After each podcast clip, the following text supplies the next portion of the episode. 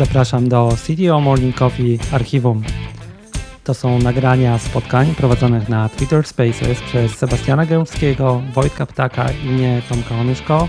Rozmawiamy o technologii, karierze i wszystkim dookoła Technical Leadership.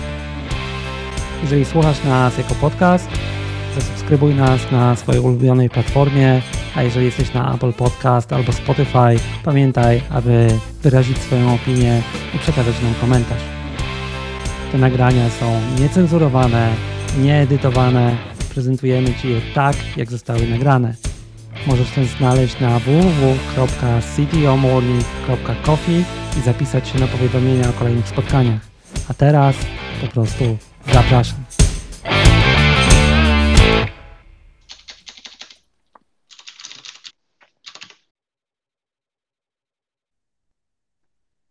Właśnie przez chwilę chyba mówiłem sam do siebie wyciszony, więc e, jeszcze raz powiem dzień dobry wszystkim.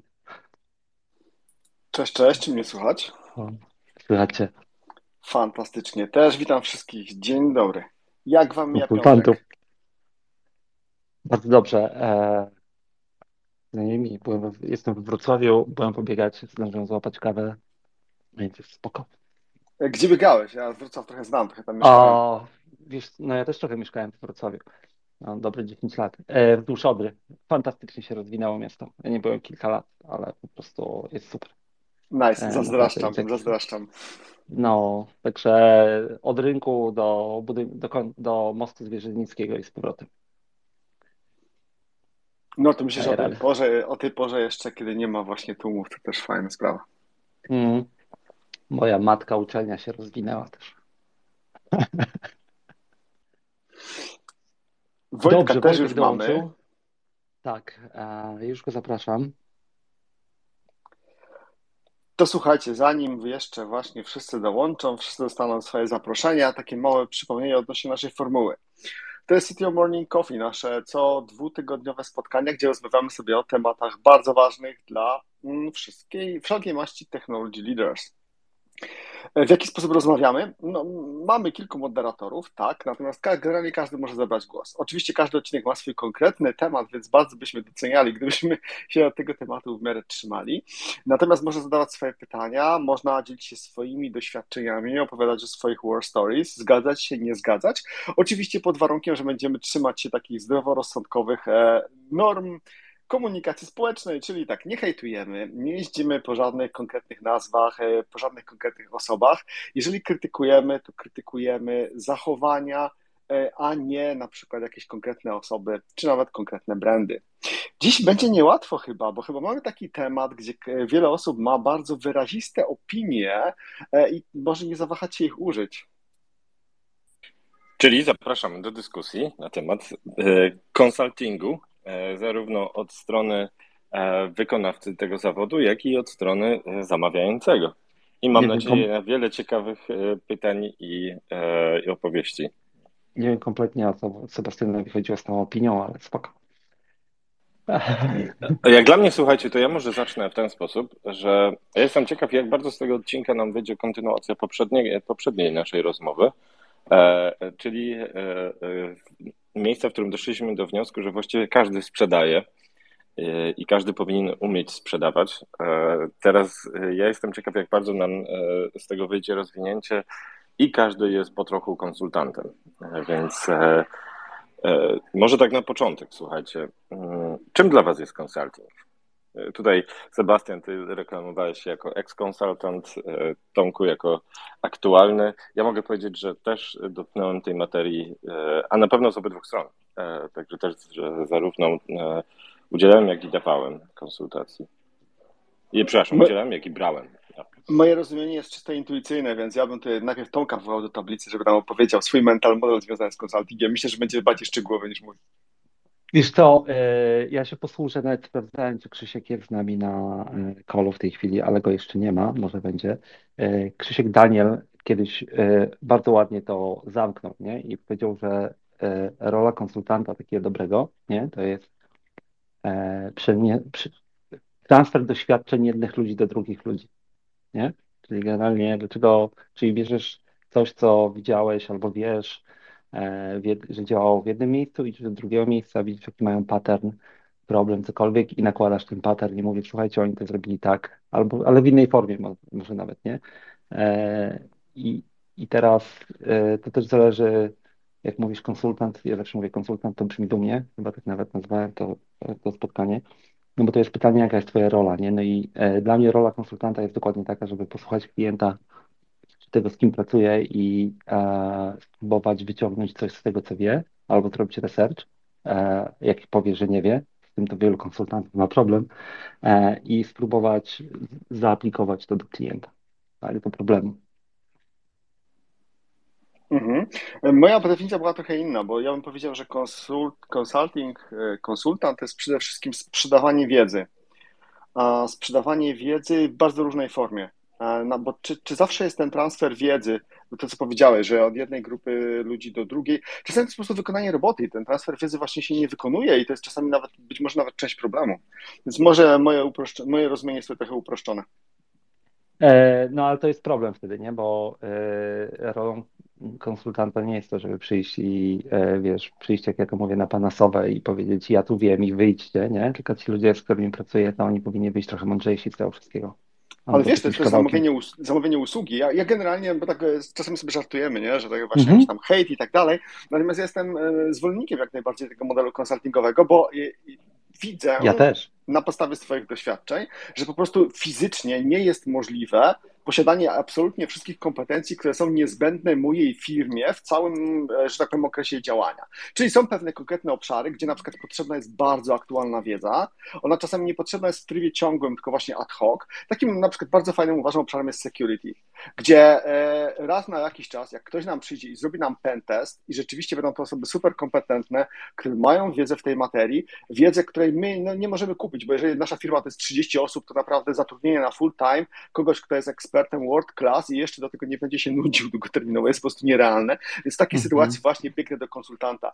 I wtedy nawet nie liczę na to, że on tą wiedzę nam przekaże. On tę wiedzę nam nie przekaże, ale on nam zrobił usługę na poziomie world class. My za to na, zapłacimy na poziomie, mam nadzieję, trochę poniżej world class i wszyscy będą szczęśliwi long term, bo on sobie potem pójdzie pracować dla kogoś innego. Teraz, teraz już Marcin cię wpuszczę, tylko dokończę. Na końcu tak, to jest to, co robisz, nie? I to tak naprawdę to, po co bierzesz konsultanta, przynajmniej w założeniu według mnie, to jest to, że skracasz sobie ścieżkę do zrobienia czegoś nie?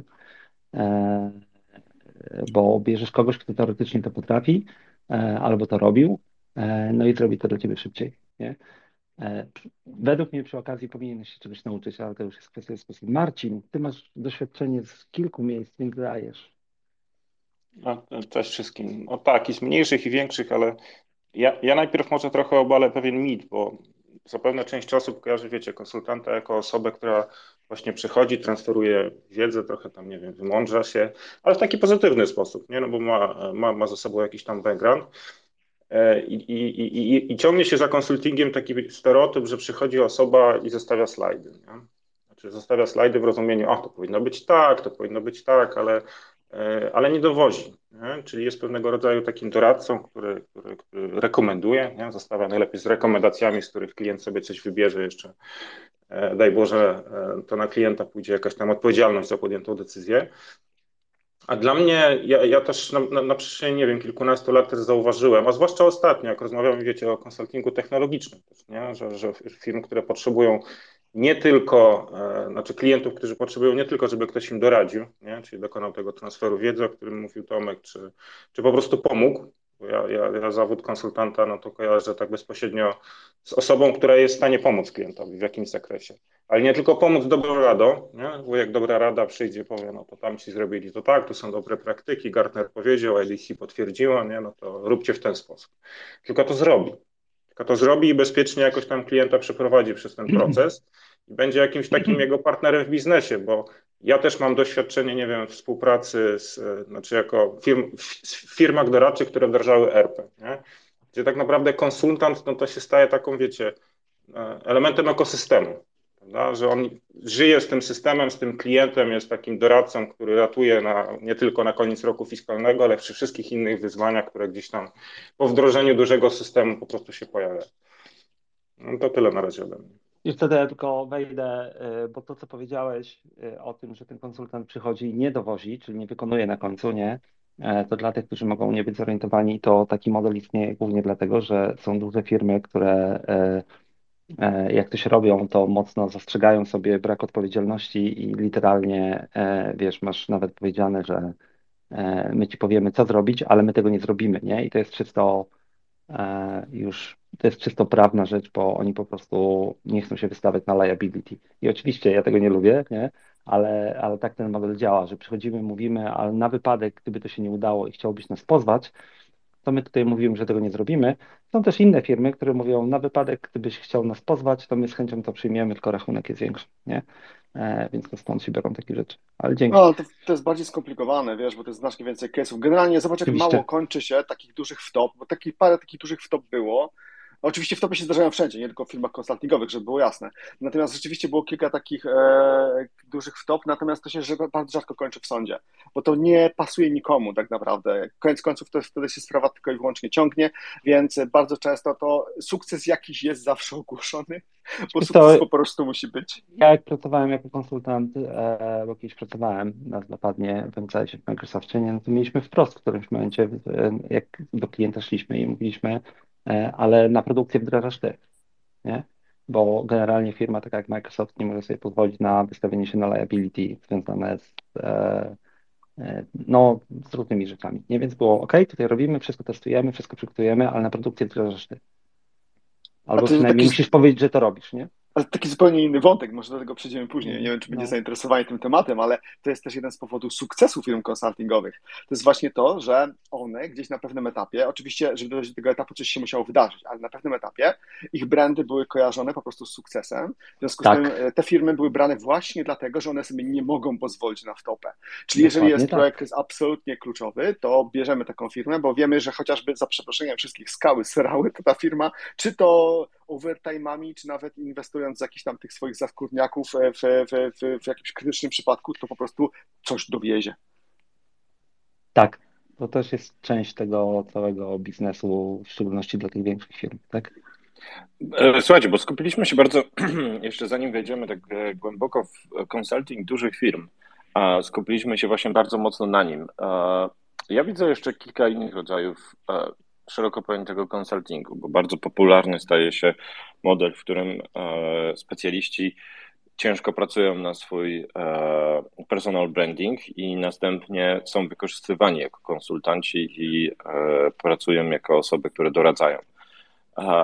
Moje pytanie do Was jest takie teraz. Jakie widzicie, jeżeli tak popatrzycie właśnie na, na, ten, na to zagadnienie, jakie widzicie rodzaje w ogóle konsultingu? A o czym właśnie możemy mówić? Tutaj Tomku, Tomku bardzo mocno się skupiłeś na tym e, od dużych firm. Co Nie, to tak weszło tylko. E, znaczy, to jest w ogóle ciekawy temat, bo to jest taka ewolucja, która zaszła przez ostatnie 15 e, lat, tak pirę za oko, na naszym rynku przynajmniej, nie? No bo to, co powiedziałeś, to jest taki model, w którym faktycznie pojedyncze osoby są wynajmowane ze względu na swoje umiejętności, to co powiedział Sebastian, i przez te umiejętności wykonują jakieś jakieś działania, nie? I generalnie firmy są zadowolone i tak dalej. I e, taki model takich e, gunslingers, że tak powiem, czyli strzelców wolnych, to on bardzo dobrze działał. E, jak ja zacząłem wyjeżdżać za granicę, to zobaczyłem, że on bardzo dobrze działa tam, nie? I teraz szczerze powiem, za moim odejściem kiedyś z korporacji stało dokładnie to, że ja teraz zacznę to robić, nie? Ciekawostka była taka, że ten, na przykład te 15 lat temu, to e, taki model kompletnie nie działał w Polsce i, i takiego czegoś nie było. W tej chwili już się przyjął, bo e, to jest bardzo, ja w ogóle jestem fanem tego, bo to jest tak, że e, to, co ja widziałem wcześniej już dużo, w szczególności w Stanach Zjednoczonych, to jest, że ktoś jest mocno wyspecjalizowany w czymś, jest w tym bardzo dobry i firmy, które to robią, nawet jak robią to z inną firmą konsultingową, to wynajmują takiego wolnego strzelca, który stoi po ich stronie, nie? Czyli generalnie wiesz, patrzy na ręce. firmą, tak, jesteś, nie, jest, doradza im, jesteś dużą firmą, na przykład e, padnie firma, bo akurat taki, ten, taka od kawy Starbucks, nie? Kiedyś e, ten i wdrażasz rozwiązania bezpieczeństwa i robi ci to jakaś duża firma, wielki brand, nie? Ale ty na końcu nie wiesz, jak, jak, jakbyś, jakbyś wiedział, jak to zrobić, to prawdopodobnie zrobiłbyś sam, nie? I teraz mhm. jak się upewnić, że to, co robią, robią dobrze. I bierzesz po prostu kogoś, kto jest bardzo dobry w tym i go ustawiasz po swojej stronie, nie? I tak. to był taki model, który ja widziałem, że działał i u nas on też zaczyna chyba działać powoli. I to są ci właśnie wolni strzelcy. Nie? I to jest, to, to faktycznie w Polsce na przykład to się zaczęło całkiem niedawno, tak jakby E, jako, jako rzecz. Więc tak, jest konsultant wolny strzelec jako taki, potem mamy jakieś, wiesz, mniejsze, większe firmy, e, które albo się skupiają, bo to też jest, nie, albo się skupiasz na wiedzy, albo się skupiasz na e, technologii, albo próbujesz to mieszać, tak jak jedna z firm, w której Marcin pracował kiedyś przynajmniej. Mm, no i potem masz większe, już mniej, bardziej wyspecjalizowane organizacje, to już zależy jak idzie, nie? To wysuwa mi się takie takie pytanie, czy teraz e, e, przy aktualnym rynku, który słusznie zauważyłeś, że jest dużo łatwiej, e, szczególnie przy social media, stworzyć wizerunek specjalisty, a, znaczy osoby wyspecjalizowanej wystarczająco, żeby właśnie doradzać. Czy to nie jest jedna z naturalnych takich dróg ewolucji kariery, gdzie mm, jako specjaliści właśnie bierzemy daną technologię, specjalizujemy się w niej i dawniej mieliśmy te ścieżki takie klasyczne rozwoju, e, gdzie e, szło się w zarządzanie lub na przykład właśnie w, w rolę architekta i tak dalej, i tak dalej, a że współcześnie możemy właśnie jako jedną z takich bardzo e, bardzo ciekawych dróg rozwoju przyjąć zbudowanie tak mocnego brandu wokół swojej osoby, że właśnie stajemy się konsultantem. I teraz z tego, co też powiedziałeś, ja też e, e, z tym zgadzam. E, wielu konsultantów tak naprawdę zbudowało wokół siebie firmy. Ty jesteś jednym z, jednym z przykładów, tak? Więc cała, cała chyba moc tych software house'ów i firm doradczych powstały właśnie wokół jakiejś, jakiejś osoby, które miały bardzo silne kontakty, dowiodły swoją wartość i mogły przyciągnąć klientów. Wiesz co, y, to jest, to jest krok kariery i my nawet y, niedawno na Klaudynie y, z Michałem Furmankiewiczem robiliśmy taki mały wykład na temat potencjalnej kariery poza czystą technologią i jednym z kroków, który mówiliśmy oprócz tam różnych C-level, no to był konsultant, nie? E, tutaj tylko jest to, że żeby być, żeby to był dla ciebie krok kariery, e, to bycie dobrym technicznie to nie jest, to jest za mało, nie? E, to znaczy, można pracować oczywiście, wiesz, wynajmować się jako po prostu człowiek, który e, robi daną rzecz, koduje, nie wiem, e, konfiguruje coś i tak dalej i po prostu jest zewnętrzną osobą i na to też mówimy konsultant, ale to tak naprawdę to jest po prostu inny model rozliczania się, nie? I jesteś po prostu gun for hire w danej dziedzinie, ale jak chcesz być takim doradcą, właśnie ktoś, kto ten, no to tam jeszcze dochodzi, czy, czy chcesz rozwijać te inne umiejętności, właśnie sprzedaż, o której rozmawialiśmy poprzednio, wiesz, trochę jednak trzeba właśnie robić brandingu dookoła siebie, czy marketingu, nie? No, nie trochę nawet. Ja, no zależy, nie? Znam takich ludzi, którzy nie robią żadnego marketingu dookoła siebie, bo już mają brand, wiesz. E, by the way, e, naj, na, najbardziej rozchwytywanych konsultantów, jakich spotkałem i najlepiej płatnych, to nigdy o nich nie słyszycie, nie? To tak swoją drogą. Sebastian, co o tym myślisz? Ja przepraszam cię, Marcin. Nie, to, to, to wywołaliśmy Sebastiana, to proszę.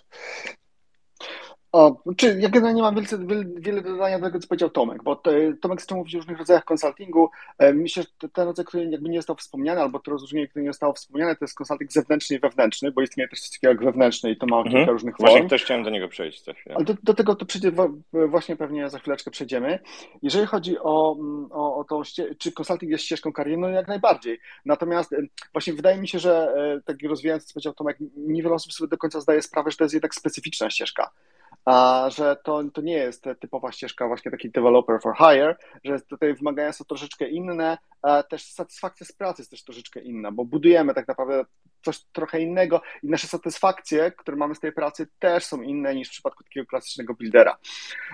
Ja bym jeszcze wyróżnił w zależności od tego, komu my pomagamy i w jaki sposób my pomagamy, bo też są pewnego rodzaju poziomy, bo taki rzeczywiście trusted advisor, który działa gdzieś na poziomie zarządu, i którego siła wynika głównie z doświadczenia i z tego, że już ma zbudowane zaufanie, bo współpracował. To jest ktoś zupełnie inny niż specjalista technologiczny, którego credentiale to jest faktycznie jakaś certyfikacja, wiedza twarda, bycie up to date i być może jakieś rozpoznanie dzięki uczestnictwu nie wiem, w jakichś eventach branżowych albo innych aktywnościach, które wymagają udowodnienia tej, tego, tego, tego skilla. Więc to jest jeszcze też zupełnie inny rodzaj takiego konsultanta. E, ten aspekt na brandingu, o którym powiedział Tomek, jest bardzo ważny. No i tutaj będziemy pewnie też dochodzić do jakichś ciemnych stron konsultingu, gdzie ten branding albo marketing zdecydowanie przeważa nad faktyczną ekspertyzą. E, jeżeli chodzi ogólnie o już większe firmy, a nie jakichś takich pojedynczych konsultantów, to ja bym powiedział, że jest też duża różnica, mm, są też duże różnice w zależności od tego, co dana firma sprzedaje.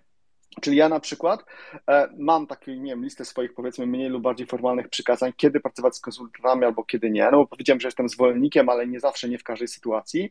I na przykład ja zdecydowanie cenię sobie wyspecjalizowane tego typu jakieś tam expert shopy i tak dalej. Kiedy wiem, co kupuję, mam bardzo konkretne oczekiwania, mam zamknięty trochę end-to-end temat, e, za to płacę i ja tutaj akurat mm, powiedział coś fajnego Marcin wcześniej, do czego nie, nie zdążyłem się odnieść. Marcin powiedział coś takiego, że czasami konsultant staje się elementem ekosystemu i to jest prawda. Natomiast ja szczerze mówiąc uważam, że to w bardzo wielu przypadkach jest niebezpieczne i jest to model, którego ja szczerze mówiąc raczej bym unikał. Ale znowu to dyskusja pewnie będzie trochę bardziej filozoficzna.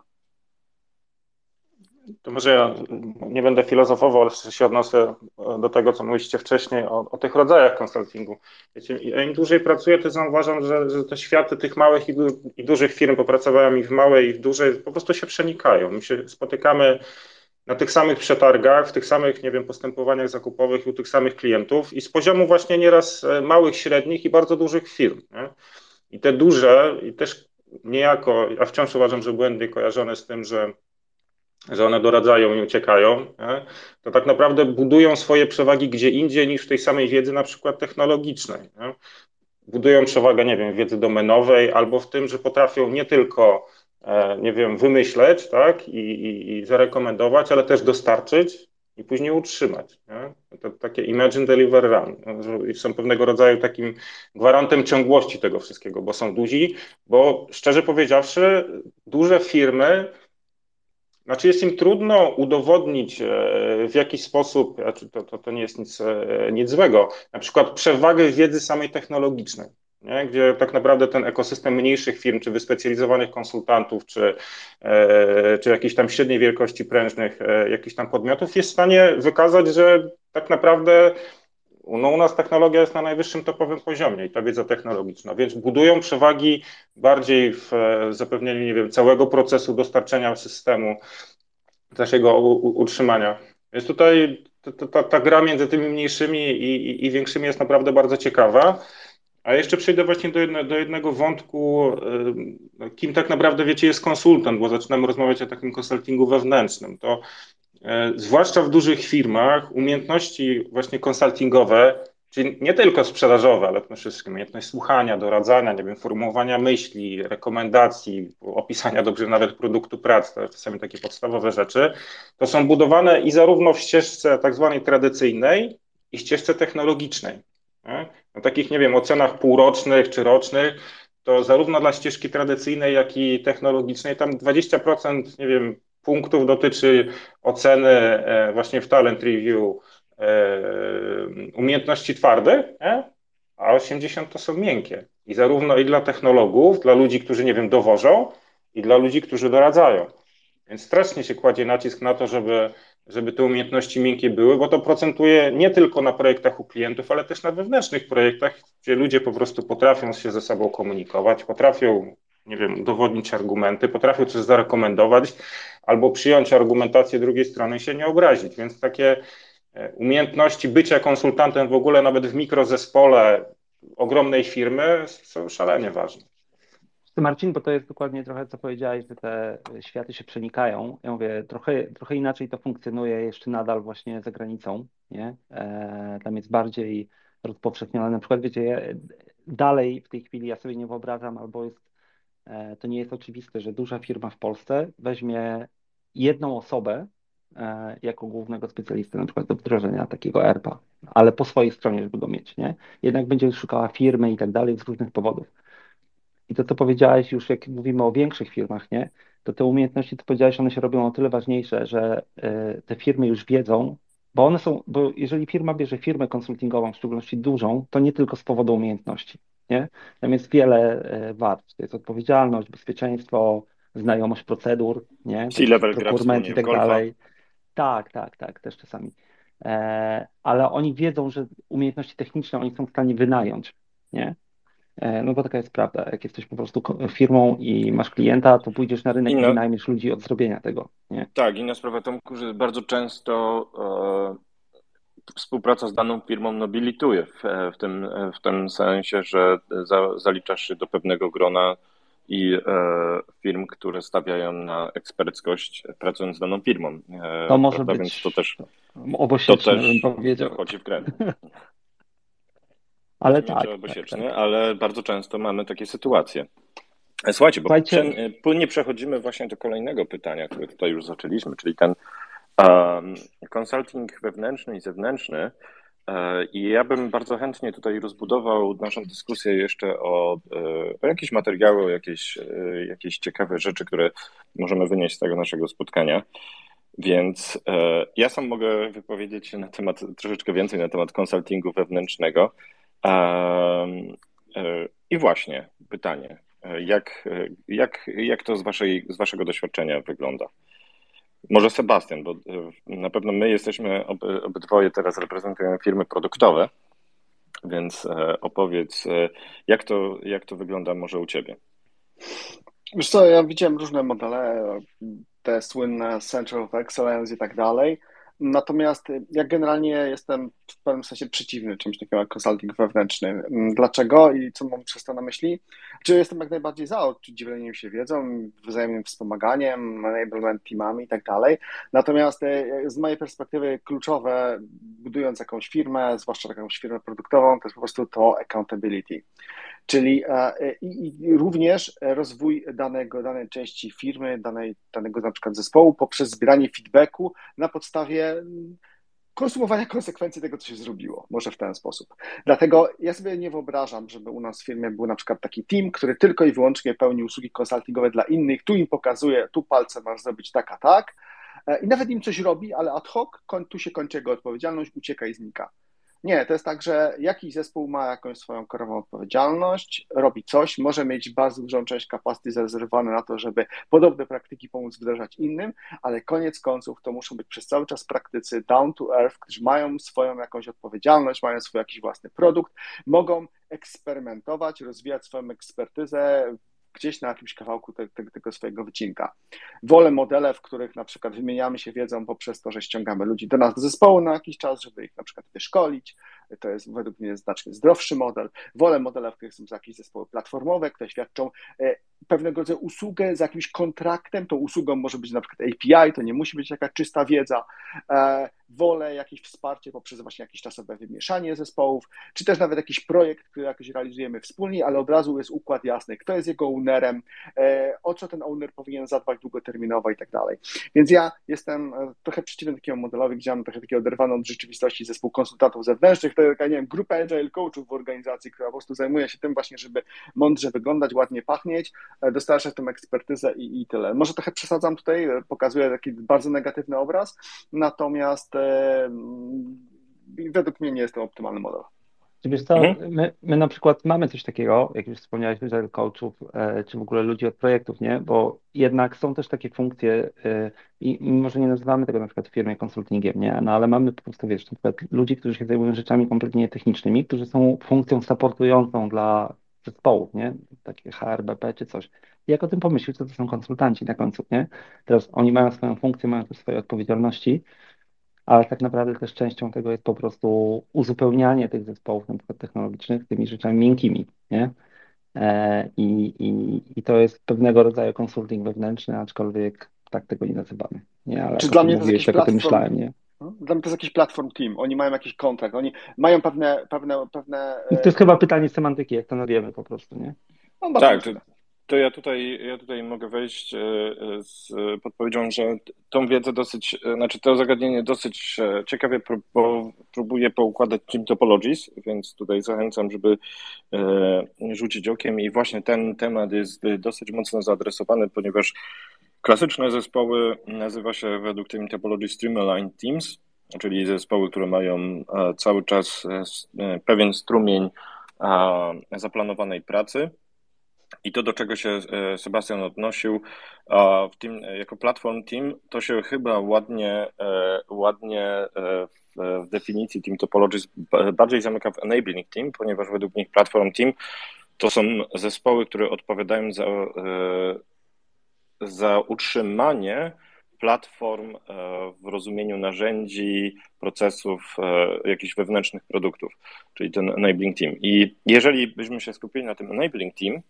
e, to to jest model, który na przykład też w zespołach, z którymi ja pracuję, staramy się stworzyć i, i utrzymać i on dosyć, dosyć ciekawie działa. E, mianowicie, jak, jak do tego próbujemy podejść? E, stworzyliśmy mm, z, najbardziej, z jednych z najbardziej doświadczonych osób e, w, w, danym, w danym produkcie, bardzo szerokim, taki zespół testowy, gdzie te osoby mają świetne zrozumienie architektury systemu, jak i bardzo szerokie zrozumienie domeny. I zadaniem tych osób jest doradztwo i i wsparcie zespołów na, na poziomie całego, całego, po polsku mówiąc, departamentu, może całego dużego produktu.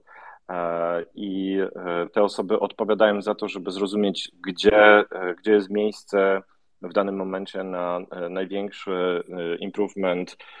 Pracują, tak jak Sebastian wspomniałeś, bezpośrednio z tymi zespołami i ich odpowiedzialnością jest również przekazanie wiedzy, czyli e, zidentyfikowanie, e, gdzie w danym momencie najbardziej potrzebujemy wspomóc dane zespoły, na przykład ze względów tak strategicznych, na przykład ze względu na plany zmian e, w różnych, w różnych narzędziach, platformie i w ciągły tak naprawdę rozwój całego zespołu. Więc to, to rozumiałbym przez consulting wewnętrzny. Co ciekawe, jak tak sobie obserwuję ten zespół, słuchajcie, jak on się formuje i pracuje, ten consulting wewnętrzny bardzo niewiele różni się od tego zewnętrznego, a nawet czasami może być trudniejszy, bo ten, e, ci eksperci e, są cały czas na, e, na widoku, oni są cały czas, wiecie, obserwowani przez szeroki zespół i cały czas muszą być w pewien sposób dostępni i ich wiedza jest dosyć mocno weryfikowana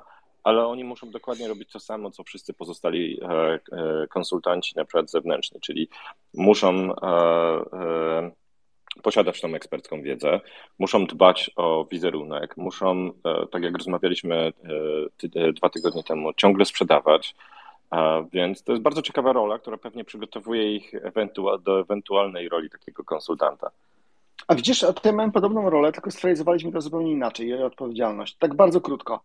E, to była rola poświęcona developer experience.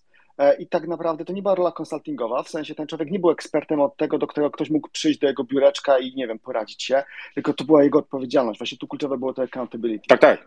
Więc to, co on zrobił, to on sam z siebie nagle po prostu spróbował ściągać projekty wszystkich zespołów. Zaczął je przekompilowywać. Potem zaczął robić w nich elementarne jakieś zmiany w różnych miejscach i zaczął je deployować, patrzeć jak to wygląda. I po prostu zaczął patrzeć i oceniać developer experience samemu używając tej swojej wiedzy i tak naprawdę generując pracę zespołom i oferując swoje wsparcie w ramach tego, co może z nimi razem zrobić. I to było jasne jego accountability. E, to nie jest tak właśnie, że ktoś musiał do niego przyjść, żeby go o to poprosić, tylko to było jego obszar odpowiedzialności i to on aktywnie był zainteresowany tym, żeby coś się działo w tym temacie. Ale słuchajcie, bo właśnie my żeśmy się trochę rozgadali, ale zapraszamy wszystkich do, do, do też dzielenia się swoimi e, Bardziej, że mamy kilku, kilku konsultantów, jak widzę e, Widzę na liście wiele tak. Doświadczonych osób, więc zapraszamy. Podnoście e, łapki, ja możemy jeszcze... czegoś nie zauważyć, więc jeżeli nie zauważyliśmy, to nie zniechęcacie się. Ja tutaj, Sebastian, żeby zamknąć ten e, wątek, dodam, e, że właśnie samo Team Topologies też proponuje to, co, to, co wspomniałeś, czyli bardzo, jasną, bardzo jasny kontrakt pomiędzy zespołami, które współpracują i myślę, że to jest bardzo ważne, bo też bardzo jasno ustala zakres i reguły gry jeżeli chodzi o współpracę z takim wewnętrznym konsultantem. Ja ze swojej strony mogę powiedzieć, bo tutaj w pełni zgadzam się z przedmówcą, bo u nas zespół tak naprawdę wewnętrznego konsultingu, a ja w sumie dopiero dzisiaj dzięki chłopaki uświadomiłem sobie, że w nim teraz pracuję, właśnie nazywa się enablementem. No. Dla jednych jest to sales enablement, jeżeli jest nastawiony właśnie bardziej na na e, aktywności sprzedażowe, czyli transfer tych umiejętności, ale też praktyk, czy jakichś tam procedur e, i różnego rodzaju metody, które trzeba gdzieś tam e, zastosować, żeby ludzi uzbroić w możliwość rozmowy z klientem, a dla innych, czyli bardziej technicznych, żeby po prostu wdrożyć. Nie? I to słowo właśnie enablement to bardzo dobrze to oddaje. To, jaka jest rola, tak? I to, I to w pełni się też zgadzam z tym właśnie, z tą odpowiedzialnością, którą trzeba tak naprawdę na siebie też wziąć, nawet w zespole e, zewnętrznym, że my, e, jako teraz część tego zespołu, właśnie jawnie deklarujemy nie tylko gadania teoretyczne, tak, ale uczestnictwo w spotkaniach z klientem, czy pewnego rodzaju takie wsparcie właśnie hands-on, żeby ci ludzie czuli się właśnie nie jak ci klienci, którzy kupili tylko rekomendacje, tak, ale jako, że idziemy as one i, i, i wspólnie razem e, też dowozimy jako as one, pomimo tego, że delivery będzie bardziej po drugiej, znaczy nie po mojej stronie, bo ja tylko uzbrajam, tak, ale, ale, ale jednak robimy to wspólnie, więc to jest, to jest znaczy, kluczowe, żeby... Ja się odniosę do jednej rzeczy, którą przed chwilą powiedziałeś, takiej drobnej, nie? E, I, I trochę mieliśmy to wcześniej, bo powiedziałeś, że to nie są tylko klienci, którzy kupili rekomendacje, nie? Ale, bo ja też zawsze zadaję pytanie u siebie w firmie, jak z ludźmi rozmawiam, bo jest pytanie, co wtedy klient kupuje, bo klient nie kupuje rekomendacji. Tak. E, tylko klient kupuje ubezpieczenie od ryzyka. Jeżeli bierze tylko rekomendacje od konsultanta, to tak. Znaczy ja mam to, ja miałem ten komfort, wiecie, że ja e, nie znam tej e, strony konsultingu. Mhm. Zawsze pracowałem w firmach, nawet jeżeli to były dwie mniejsze, jedna większa, które, które wdrażały. Nie? Czyli ja nie, nie jestem przyzwyczajony właśnie i, i, te, i też dlatego, chociaż pomimo tego, że pracowałem czy z zarządami, czy z CXO, czy z, z innymi osobami, ale zawsze w procesie i to uważam za, za naturalne. Akurat z mojej strony występował ten aspekt przyjęcia tego ryzyka, tak? I, i pewnego rodzaju dostarczenia e, mniejszej lub większej usługi, gdzie, gdzie, gdzie jest rezultat, tak? Prac tak. I, i wspólne. Więc Ale... tutaj nie znam tej strony tylko e, przyjmowania dobrych praktyk i, i ściągania nie, wiedzy, która. Nawet jak, nawet jak cię zatrudniają, czy mnie do tego, że, czy kogokolwiek, do tego, żebyśmy my coś zrobili, to e, jak o tym tam pomyślisz dwa albo przynajmniej tak jak ja o tym myślę, dwa poziomy głębiej, to na końcu to, co jest kupowane, to jest ubezpieczenie od ryzyka. Że my tak, wiemy, jak to zrobić, że ten, nie? Więc ja też, bo ja często właśnie mówię, nie? że słuchajcie, ludzie od nas tak naprawdę nie kupują ekspertyzy, pomogą ją mieć, nie? Często ci ludzie, z którymi pracujemy, oni de facto wiedzą, jak to zrobić. Może my robimy to szybciej albo ten, ale co kupują tak naprawdę też, nie tylko, ale też to jest ubezpieczenie od ryzyka po prostu. Tak się zastanawiam, jak, jak to mówisz, e, czy to działa tak samo w, przy tym konsultingu wewnętrznym, bo nie jestem przekonany, czy e, kupujemy e, tak bezpośrednio, stosując takiego ubezpieczenia od ryzyka. Myślę, że to jest troszeczkę szersze, bo z mojego punktu widzenia przede wszystkim stawiamy na to, żeby pewne na przykład praktyki i sposoby podejścia do wytwarzania produktu wyrównać do góry, tak? Czyli żeby w, e, zawsze w danym momencie, albo jeżeli będzie wchodziła duża zmiana, żeby upewnić się, że zespoły są na nią gotowe. Więc e, to jest też takie szerzenie e, wiedzy, dosyć, starając się zrobić to w optymalny sposób, czyli tak jak mówimy, na, na podstawie kontraktu, upewnić się, że zespoły są gotowe, żeby wejść na wyższy poziom, zawsze na prawda, ten o jeden poziom wyżej w grze. Nie jestem pewien, czy to bym nazwał tak bezpośrednio. Wewnętrznie to, to inaczej działa, nie? Zewnętrznie to mhm. też inaczej działa. Tutaj akurat Ale ja, a ja się w zupełności z wami chłopaki nie zgodzę, bo to zawsze warto mieć takiego, który rzuci gdzieś tam e, zrobi zamieszanie, bo e, ja nie byłem, wiecie, żałuję na tym spotkaniu poprzednim, czy rozmawialiście o sprzedaży, ale jak spojrzycie, wiecie, na ryzyka, to, to co mówił Tomek, to, to, to można powiedzieć bardzo dobrze, to widać też w procesach sprzedażowych, to tylko Zawsze są ryzyka, tylko zależy, jak je zdefiniujemy. Jak rozmawiamy o zespołach technologicznych, to przy wewnętrznym e, enablementie no, kupujemy, kupujemy, no, w cudzysłowie oczywiście kupujemy, ryzyko od tego, że nie będę, nie wiem, przekraczał jakichś godzin na projekcie, tak? Albo, że będę wychodził na czas roboty, albo, że się z kimś nie pokłócę, nie?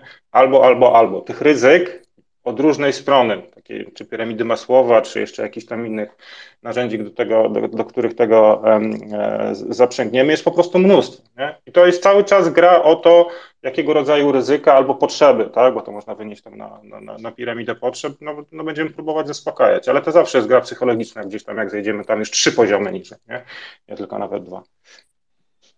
Mhm. Słuchajcie, to ja proponuję, skoro wyczerpujemy powolutku ten wątek, przejść do mm, czegoś, co mnie bardzo ciekawi z Waszego punktu widzenia i doświadczenia, czyli ciemne strony konsultingu. E, jak to jest? Jakie są właśnie te ciemne strony i jak się przed nimi jako klienci albo jako konsultanci ustrzegać? I zapraszamy E, widzę e, na, naszej liście e, słuchających bardzo wiele osób, które na pewno mają coś ciekawego doświadczenia do powiedzenia z tego, co wiem, więc zapraszamy wszystkich do dyskusji. Tomku. Co, yy, znaczy tych ciemnych stron to jest wiele, nie? No ale e, tak naprawdę wiesz, e, na, największa plaga, albo inaczej to, co się zdarza niestety, nie? No to jest to, gdzie ktoś się pozycjonuje na konsultanta od czegoś po prostu tego nie umie, nie? E, i, każdy się pewnie gdzieś tam spotkał z tym, że, e, że e, ktoś po prostu, czy firma, czy osoba e, po prostu wjechała na temat i się okazało, że po prostu nie zna się na tym, nie? Więc generalnie dla mnie taki dark pattern to jest moment, w którym bierzesz na siebie wszystko, jak się nie znasz na tym, nie? E, no i takich historii było dużo. Ja miałem taką historię w ogóle, wiesz, całkowicie osobistą, nie, że po prostu zostałem zaproszony do klienta, po drugiej stronie siedział konsultant i on się na tym nie znał, nie, ale tu jest wielki problem. E, duża część wtedy tych ludzi nie umie powiedzieć, że się nie zna, bo krótko mówiąc, są konsultantami, więc żyją z tego, że się znają, nie? E, no i mieliśmy taką rozmowę, w której niestety musiałem pokazać, że się nie zna. co było śmieszne, wyciągnął wtedy ostateczną, e, ostateczną kartę pod tytułem, bo to była akurat nośnia Microsoftu i powiedział, ale ja jestem MVP, a ja powiedziałem, ale ja też. No to już ten, więc dla mnie to jest, to jest najgorsza możliwa rzecz, nie? czyli gdzie e, sales, e, tak jakby ktoś posiada umiejętności sprzedażowe, ale i potrafi się sprzedać do tematu, ale po prostu nie ma możliwości dostarczenia tego, nie? I to niestety się często zdarza. Znaczy to ja może powiem od drugiej strony, o niemożliwości dostarczenia, ale z punktu widzenia pracy w konsultingu, bo jak rozmawiamy o ciemnych stronach od różnych perspektyw, to, to, to bardzo często klienci no, no, postrzegają firmy konsultingowe, tak jak większość, nie wiem, tutaj większość w cudzysłowie po raz kolejny biznesu postrzega AI jako magiczną różdżkę do, do, do, do mm, pracy z danymi, e, czyli zadzieją się cuda. I, i, I pracując w firmach doradczych też możemy być wystawieni na E, taką współpracę z klientami, że klient jest mocno oczekujący i płaca to wymaga. I możecie być, nieraz być zaskoczeni, e, e, jakiego rodzaju oczekiwania klienci mają w stosunku do firm, które, które przychodzą, reprezentują ze sobą jakąś wiedzę, ale no, poprzeczka jest postawiona trzy razy, czy tam wiedzę, brand i tam wszystko, co jest z tym związane, ale poprzeczka jest postawiona trzy razy wyżej, tak? Albo klient wręcz ją nierealnie potrafi ustawić. A nierzadko też te firmy, nazwijmy to już bardziej rozpoznawalne, czy które, które e, e, no, reprezentują jakoś pewnego rodzaju renomę na rynku, brane są tak naprawdę do projektów, które są albo szalenie trudne, albo powiem wprost niechciane, tak, albo trzeba je uratować, więc też e, trzeba być świadomym tego, E, że e, no to może rodzić no wiele trudności tak, przy wdrożeniu czy, i przy też współpracy z klientem, gdzie trzeba później tak naprawdę po ludzku czy i też biznesowo przeprowadzić klienta przez ten trudny tak naprawdę proces. No ale to jest ten dark pattern, trochę się sprowadza do tego, co powiedziałem, nie? Też, e, znaczy nie, że udowadniam, że mam rację, tylko, bo to jest też ten moment, w którym e, jest, wiesz, dysconnect pomiędzy tym, kto coś obiecuje, co potrafimy robić, nie? I faktycznie jest też tak po stronie firm konsultingowych, że często dokładnie jest, e, wiesz, ponieważ jesteśmy konsultingiem, to znaczy, że się znamy na wszystkim, nie? To nie powiemy, nie potrafimy tego, nie? No i potem mamy taką sytuację, że ktoś powiedział, pewnie, że się tym zajmiemy, nie? A potem jest co bardzo znajdźcie kogoś, kto się potrafi tym za, zająć. Nie? Ale to też tam od innej strony, że to, to, e, to klient, e, znaczy oczywiście możemy diagnozować, robić, nie wiem, discovery phase i, i analizę, jakie klient ma, czy dane w organizacji, czy jak bardzo jest poukładany, ale e, to my jako konsultanci możemy być rzuca, rzucani nieraz w największe bagno, tak? gdzie wszystkie karty od strony klienta nie były też odkryte nie? i te oczekiwania były e, postawione też bardzo wysoko. No tak, ale jest wtedy pytanie, co robisz, nie? Czy mówisz o tym, czy po prostu, e, jak to mówią, true swallow, nie? I jedziesz dalej w ten temat. Bo... W niektórych firmach nie ma możliwości, trzeba jechać. Nie? Dlatego jak, jak mówimy o... tym mówię. O, o, o, o pewnego rodzaju ciemnych stronach, no to, to nawet trzeba jechać. Nie? Jest na pewno kilka rzeczy, z którymi ja się akurat nie spotkałem, a o których wszyscy mówią, tylko że no ja miałem akurat przywilej, że wiesz, przez długi czas pracowałem jednak w swoim środowisku, nie? No jest też pattern, który e, gdzieś tam jest od strony pracowników, nie? No firmy konsultingowe mają niestety złą renomę, często też od strony takiego po prostu e, grindu dla ludzi, nie? Typu robimy dużo godzin i tak dalej, i tak dalej i po prostu posiadówki po 16 godzin, ale to Mówię, to jest tak jakby, zawsze się to powtarza, jak z kimś rozmawiam na rekrutacjach, e, mam, ale ja osobiście miałem mało z tym styczności, więc to jest ja tylko dodam do tego, do tego, co Marcin opowiadałeś, że e, z mojego doświadczenia też i obserwacji e, często ta nieznajomość danego tematu kończy się przez firmę konsultingową, którą wynajmujemy pod zleceniem e, danego tematu. Pytanie, czy to jest złe, jeżeli, e, jeżeli wiecie, ta firma e, ostatecznie dowiezie ten, ten temat, a są znane nam wszystkim firmy, które doskonale na tym prosperują i są też z tego znane, że po prostu jest potrafią źle. połączyć wszystkie Czasami jest dobrze, czasami jest źle, no. więc to zależy. Dlaczego, jest, powiem, jeszcze tylko powiem ze swojej, ten, dlaczego jest źle, bo to tylko utwierdza ten model, że kurde, dowieźliśmy kolejny raz, jesteśmy niezwyciężeni, jedziemy dalej. Ale to chyba zależy od tego, za co firma bierze odpowiedzialność, bo jeżeli powiedzmy, zdarzało mi się tak w mojej karierze konsultingowej, że nagle klient się obudził, o matko, za trzy miesiące musimy mieć jakiś tam zgodność z jakąś normą międzynarodową raportowania no i są zupełnie klules, totalnie nie wiedzą, co zrobić. No i teraz e, przychodzi, przychodzą do konsultanta i konsultanci, konsultanci mówią, że no też pewnie gdzieś tutaj nie mamy jakieś braki, ale my wam możemy to jako czapka ogarnąć i wziąć odpowiedzialność za całość, natomiast no pewne części będziemy musieli podnająć, na przykład kogoś zgarnąć do jakiejś roboty punktowo. Jeżeli rzeczywiście układ jest jasny, transparentny i tak jest sformułowany kontrakt, że ten konsultant bierze odpowiedzialność za to end-to-end, kurczę, no jeżeli się mieści w budżecie, to niech oni sobie tam podnajmują kogo chcą, łącznie z tancerkami GoGo. Natomiast koniec końców będą rozliczani za efekt finalny. Także ja nie mam z tym jakiegoś wielkiego problemu, jeżeli to właśnie wygląda w ten sposób. No bo czymś innym jest, to też się zdarza, że właśnie, bo tak e, nie odzywam się jeszcze, jeżeli chodzi o ten dark patterns, bo te dark patterns też można na nie spojrzeć z różnej perspektywy, ale jeden z dark patternów to jest taki, że duże firmy konsultingowe nie mogą sobie pozwolić na to, żeby nie wystartować w projekcie.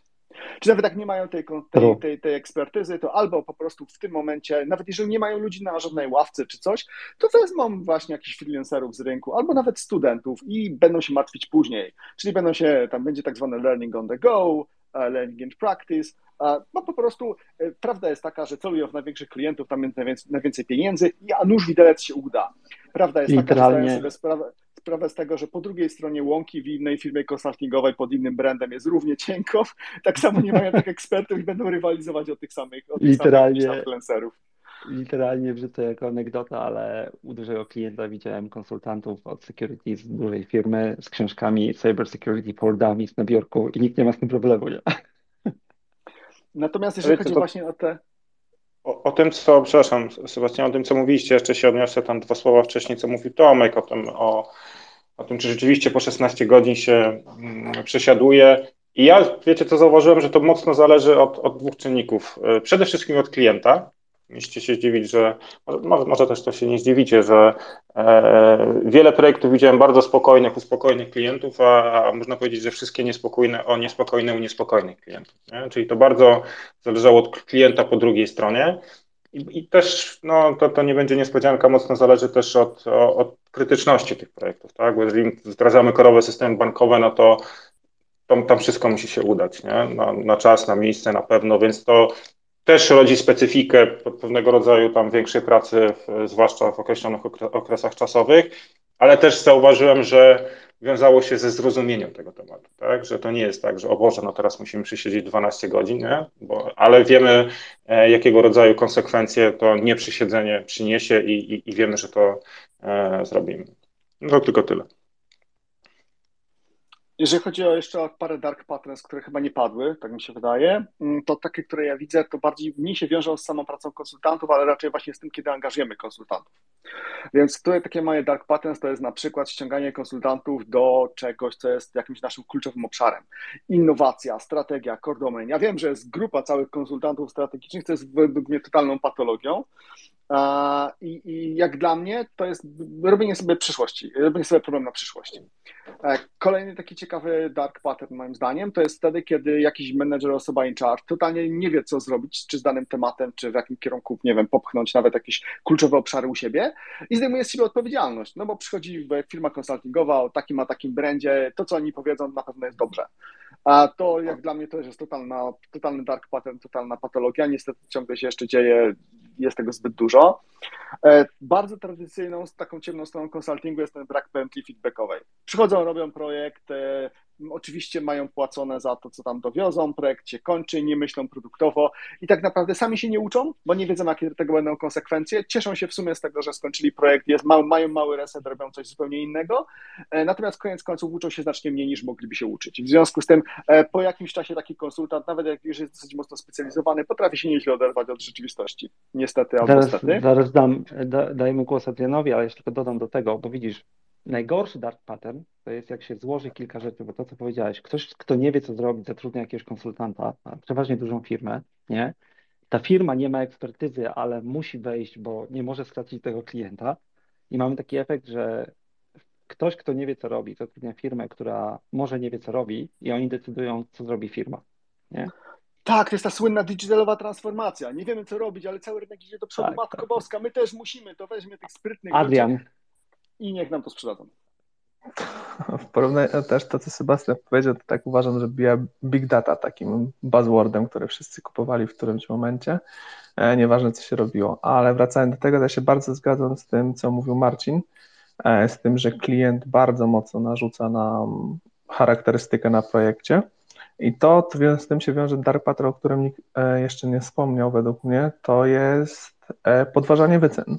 I też takie podejście klienta często, że ten dostawca to on tam sobie założył takie ryzyka i trochę chce nas, że tak powiem, chamsko mówiąc, orżnąć, więc trzeba go tam z nim ponegocjować, a to się może sprowadzać do tego, że podważana jest każda godzina, gdzie miałem już takie przypadki i też widziałem takie projekty, gdzie trzeba byłoby się bić później o każdą godzinę, a klient na przykład mówił, że chce tylko i wyłącznie time material, a później jedna osoba musiała siedzieć non-stop, wytłumaczać, tłumaczyć się z każdej godziny. To jest, to jest często. A, wiesz co, dlatego ja jestem przeciwnikiem pokazywania klientom godzin i w ogóle umawiania się na godziny, bo to jest dokładnie to, co mówisz. A, także ja, ja jestem przeciwny te, takiemu typu rozmowy, ale tak, ona jest częsta, bo po prostu taki jest sposób sprzedaży czasami, że ludzie po prostu sprzedają tam ten, tam i tyle, nie? Albo E, trzeba najpierw zbudować zaufanie w relacji, tak? Co- Tak, co tak, bo to jak ktoś podważa, jak ktoś podważa godziny, ja, literalnie zanim, zanim nie zaczniemy się z nich rozliczać, to ja bym nie chciał w ogóle mieć rozmowy o godzinach jakich, bo najpierw porozmawiajmy, co jest do zrobienia, nie? Ja wiem, jakie są realia, ale to się z tego bierze między innymi. No to ja się z tym zgadzam. Jakby pierwszy, szczególnie na pierwszych etapach, jakby wchodzenie z klientem w time materiał, jeśli ty wychodzisz z konsultingu i nie ma tego mocnego zaufania, to się właśnie kończy czymś takim. I ja bym mnie... z- proponował, z- Mhm. Tomek i Adrian, e, dla, dla wszystkich wytłumaczyć, co to jest time material, jeżeli ktokolwiek się z tym stwierdzeniem nie spotkał. A, no to słowem wstępu jest dwa rodzaje jakby sprzedaży projektów zazwyczaj. Fixed price, czyli umawiamy się na zakres i na kwotę i odpowiedzialność idzie do dostawcy i on ma się zmieścić w tym zakresie. A druga to jest time material, czyli kupujemy, rozliczamy się z godzin, które konsultanci przepracują. Zazwyczaj mówimy, że mamy kapa, czyli jakąś tam pulę, z której się staramy rozliczyć z organizacją, no i e, konsultant czy tam vendor e, dostarcza i mówi, później pokazuje listę zazwyczaj szczegółowo godzin, na czym jakby spędził ten czas. To jest ta Teraz-. I teraz jedna rzecz, bo to jest ciekawe, Adrian, co powiedziałeś, bo powiedziałeś przy fixed fee, e, powiedziałeś i odpowiedzialność idzie do dostawcy, a przy T&M nie powiedziałeś i odpowiedzialność idzie do zamawiającego. E, Bo to jest główna różnica między tymi modelami i to jest główne niezrozumienie, bo e, jest faktycznie na rynku tak, że ludzie chcą kupić T&M, czyli time and material, ale chcą, żebyś ty wziął odpowiedzialność, a to tak nie działa, bo w chwili, kiedy wchodzisz w rozmowę T&M, to odpowiedzialność za wynik jest po stronie, po stronie zamawiającego, po prostu. No. Ja mam jeszcze, w nawiązaniu Adrian do Big Data, o którym e, wspomniałeś, e, to jest bardzo ciekawy aspekt, bo e, tak samo tutaj Marcin nawiązał do AI. Jednym z moich głównych, najciekawszych takich antypaternów jak obserwuję rynek konsultingu, zarówno na poziomie osób indywidualnych, które tworzą swój branding, jak i bardzo dużych firm, to jest tworzenie chorób, na które prezentuje się lekarstwo, czyli takie szarlataństwo e, trochę. E, nieraz to widzicie. Jakieś technology e, radary, bardzo mocne ciśnięcie danego tematu w przestrzeni social media i na konferencjach i przedstawianie go jako jedyne, jedyne rozwiązanie, które będzie nam działało i rozwiąże nasze kłopoty. I to jest bardzo ciekawe, bo mm, bardzo często to są tematy, które e, są gorące przez sezon 2, grzejemy ile się da, e, wrzucamy wszędzie naszych konsultantów, którzy już mają e, to lekarstwo i się okazuje, to nie do końca była ta właściwa choroba, albo w ogóle tej choroby nie było. Więc to jest jeden z, z takich antywzorców, z którym się spotkałem, więc jestem bardzo ciekaw, co myślicie na ten temat. Sebastian. No to strasznie ciekawy temat, bo generalnie e, u mnie się wiąże z takim tematem jak tak zwany thought leadership w przypadku tych firm konsultingowych. E, one próbują trochę robić market making, rzeczywiście to czasami wynajdują pewnego rodzaju problemy, czasami próbują budować do nich jakieś tam taksonomie, w ramach których sobie e, budują jakiś swój offering, który sprzedają czasami mega zabawne jest śledzenie, jak to się nie udaje. Bo ja znam tylko dwa brandy, no ale mieliśmy ci nie mówić o brandach, więc znam tylko dwa brandy. Jeden jest nieobecny w Polsce w ogóle, jeden jest chyba jakoś tak obecny niszowo, który, który mnie ten thought leadership się w jakimś zakresie udaje, a cała reszta to jest parodia i memy. E, I faktycznie, no jest to jakiś tam rodzaj antypaternu. Jest czasami dosyć mocno oderwany od rzeczywistości. E, ja bym powiedział, że jeżeli chodzi jeszcze o jakieś takie antypaterny, czy tam dark patterns, które warto wspomnieć, to dwa mam takie. Pierwszy to jest konsultant zupełnie generyczny.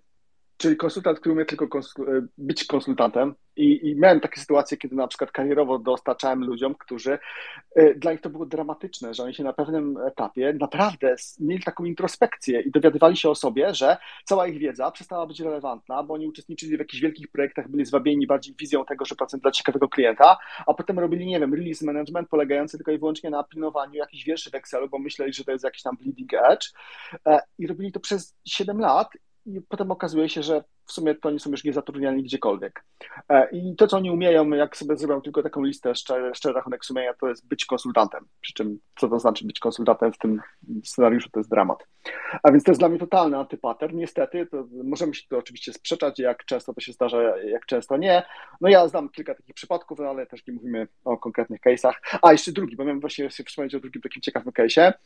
A, to znowu też możemy się trochę posprzeczać, natomiast e, firmy konsultingowe, które są w Polsce, to zwłaszcza te takie bardziej generyczne, to są jeszcze jednak cały czas małe biura.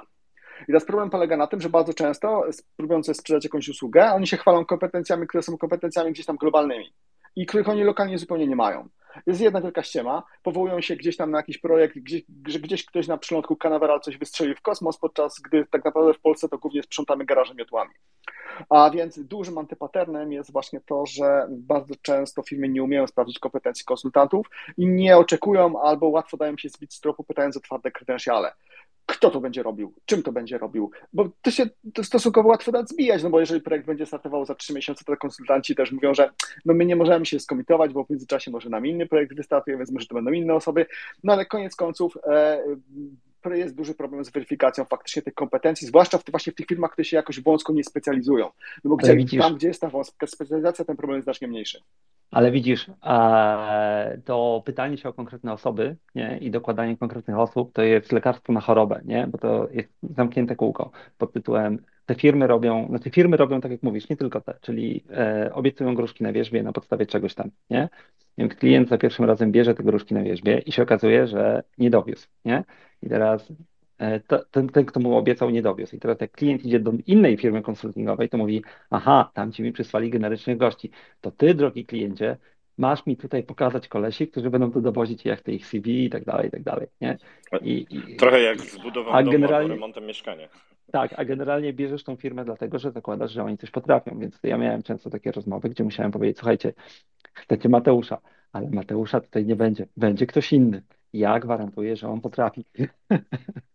Znaczy ja też, moi drodzy, tylko na koniec, bo będzie nam się czas pewnie tam niedługo kończył, zaapeluję, bo też odniosłem wrażenie, że dużo pada takich e, właśnie tych antywzorców, dużo stereotypów, dużo ogólnień. Ja wiem, że też ta dyskusja ma temu troszeczkę służyć, ale nie chcę, żeby tam słuchacze odnieśli wrażenie, że to jest taka standardowa praktyka, że firmy duże albo doradcze po prostu coś obiecują, że dostarczą, że tego nie będzie. Bardzo często tych kompetencji jest dużo. Nie? Tutaj każdy menedżer czy dyrektor odpowiedzialny za, za jakieś postępowania musi no, wziąć na siebie tą odpowiedzialność, czy, czy złoży tę ofertę w takim kształcie, czy będzie miał ludzi, czy to udowodni. Bardzo często dużo ludzi jest e, zdolnych w Polsce i tego może po prostu na pierwszy rzut oka e, nie widać, tak? Ale ci ludzie, ci ludzie są. A jeszcze się odniosę tam do tego, co mówił wcześniej też Sebastian i, i, i, i mimo wszystko złóżmy ofertę. To bardzo, na, na to bardzo ma wpływ to, o czym kiedyś pisał też Tomek na LinkedInie, jak firmy e, tak naprawdę prowadzą postępowania e, ofertowe, przetargowe i czego rzeczywiście wymagają od tych dużych firm doradczych, tak? Znaczy, albo ogólnie od firm, które coś zrobią e, dla nich, bo to bardzo często już narzuca tempo, to bardzo często już narzuca terminy, to bardzo często narzuca już no, tak naprawdę wiele, wiele, wiele innych rzeczy. I to jest taki element, ja wciąż uważam, obopólnej gry pomiędzy klientem a, a firmą. Dzięki. Ja e, musimy kończyć, więc ja bym podsumował tutaj, Marcin, e, chyba dokładnie taką samą myślą, jak mieliśmy dwa tygodnie temu. E, wszyscy jesteśmy po trochu konsultantami, więc e, prędzej czy później musimy wpływać na, na osoby, z którymi pracujemy w projektach, na, na zespoły, na całe może firmy właśnie, więc umiejętności konsultingowe bardzo się przydają. I teraz Jakie materiały, chłopaki, byście polecili w, w tej materii, jeżeli ktoś właśnie chciałby troszeczkę więcej zgłębić e, ten temat?